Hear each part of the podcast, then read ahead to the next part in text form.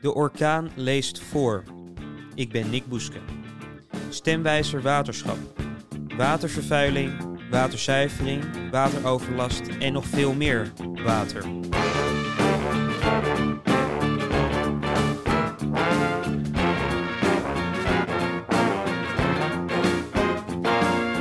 De meeste mensen zijn bekend met de stemwijzer. Een handige tool waarmee je idee krijgt welke politieke partij het beste bij je standpunten past. Vaak vullen mensen deze een dag voor de verkiezing snel in, zodat ze weten op welke partij ze moeten stemmen. Bij de landelijke verkiezingen hebben de meeste mensen wel ongeveer een idee waar elke partij voor staat.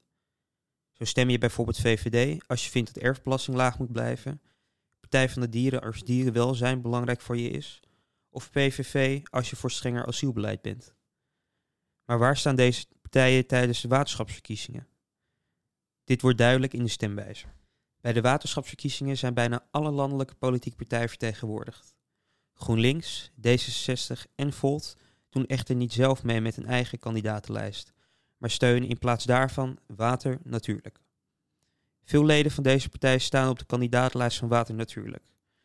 Bij de provinciale staatsverkiezingen wordt vaak benadrukt dat er een sterk rood-groen samenwerking is. Maar bij de waterschapsverkiezing is daar echter weinig van te merken. Op de stemwijze wordt duidelijk dat de standpunten van de PvdA en Water Natuurlijk soms aanzienlijk van elkaar verschillen. Een voorbeeld van een verschil in standpunten tussen de partijen is de discussie over het accepteren van meer wateroverlast om kosten te beperken.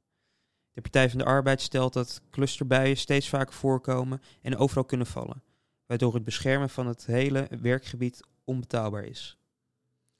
Water Natuurlijk vindt daarentegen dat het wateroverlast zoveel mogelijk moet worden aangepakt, door maatregelen te treffen die overlast voorkomen. Een link naar Mijn stemkieswijzer is te vinden in dit artikel op onze website. Als je je afvraagt hoe de provinciale staatsverkiezingen ook alweer werken, klik dan op de link in dit artikel op onze website.